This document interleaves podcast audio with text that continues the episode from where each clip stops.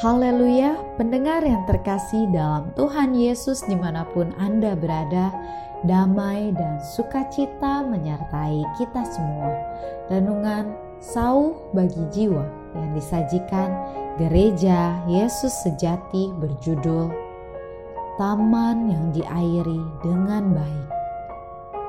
Di dalam nama Tuhan Yesus membacakan renungan firman Tuhan. Tuhan akan menuntun engkau senantiasa dan akan memuaskan hatimu di tanah yang kering dan akan membaharui kekuatanmu. Engkau akan seperti taman yang diairi dengan baik dan seperti mata air yang tidak pernah mengecewakan.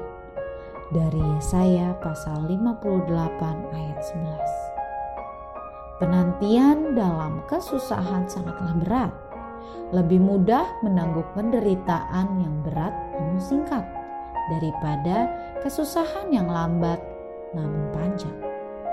Terlebih penyakit kronis yang berlangsung tahunan, bahkan puluhan tahun. Penderita dipagut oleh rasa sakit yang semakin keras. Hari demi hari berlaru tanpa tanda-tanda kesembuhan. Keadaan ini mudah membuat orang tidak lagi percaya kepada Allah Untunglah Allah tidak pernah meninggalkan anak-anaknya. Pada saat mereka hampir menyerah, Allah akan membuka jalan keluar bagi mereka. Seorang saudari yang menderita penyakit berlarut-larut, ketika sudah tidak dapat menahan siksaan rasa sakitnya, dia protes kepada Allah. Mengapa Allah tidak menyembuhkannya? Allah dengan sabar memberi wahyu kepadanya yang tercatat dalam Yesaya pasal 58 ayat 9 sampai 10 yang berbunyi pada waktu itulah engkau akan memanggil dan Tuhan akan menjawab. Engkau akan berteriak minta tolong dan ia akan berkata ini aku apabila engkau tidak lagi mengenakanku kepada sesamamu dan tidak lagi menunjuk-nunjuk orang dengan jari dan memfitnah, apabila engkau menyerahkan kepada orang lapar apa yang kau inginkan sendiri dan memuaskan hati orang yang tertindas, maka terangmu akan terbit dalam gelap dan kegelapanmu akan seperti rembang tengah hari. Saudari ini terkejut menerima wahyu Allah ini dan sekalipun masih sakit, dia bersyukur kepada Allah dan sungguh-sungguh menyelidiki diri sendiri. Barulah dia menyadari ternyata hatinya masih banyak khawatir, risau, duka, takut, kepahitan, benci, dan beban rohani lainnya. Dia juga sadar sekali dia menyalahkan orang lain karena tidak kuasa menahan penderitaan, dia juga mengeluarkan kata-kata yang jahat menghakimi orang dia menyadari bahwa dia harus menyerahkan kepada orang lapar apa yang ia inginkan sendiri dan memuaskan hati orang yang tertindas. Setelah itu, Allah akan membuat dia memancarkan terang.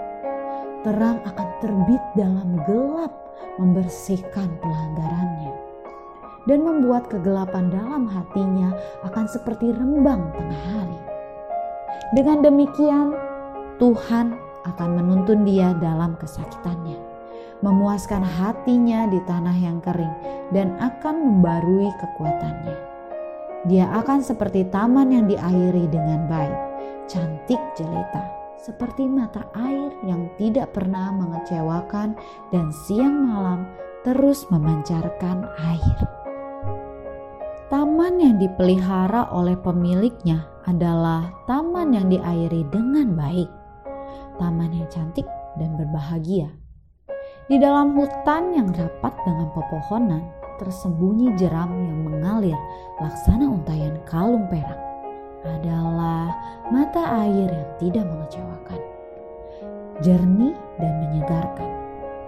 Saudari ini menerima penghiburan Allah dan percaya bahwa asalkan taat kepada firman Allah, dia akan menjadi taman yang diairi dengan baik dan mata air yang tidak mengecewakan dalam kerajaan Allah.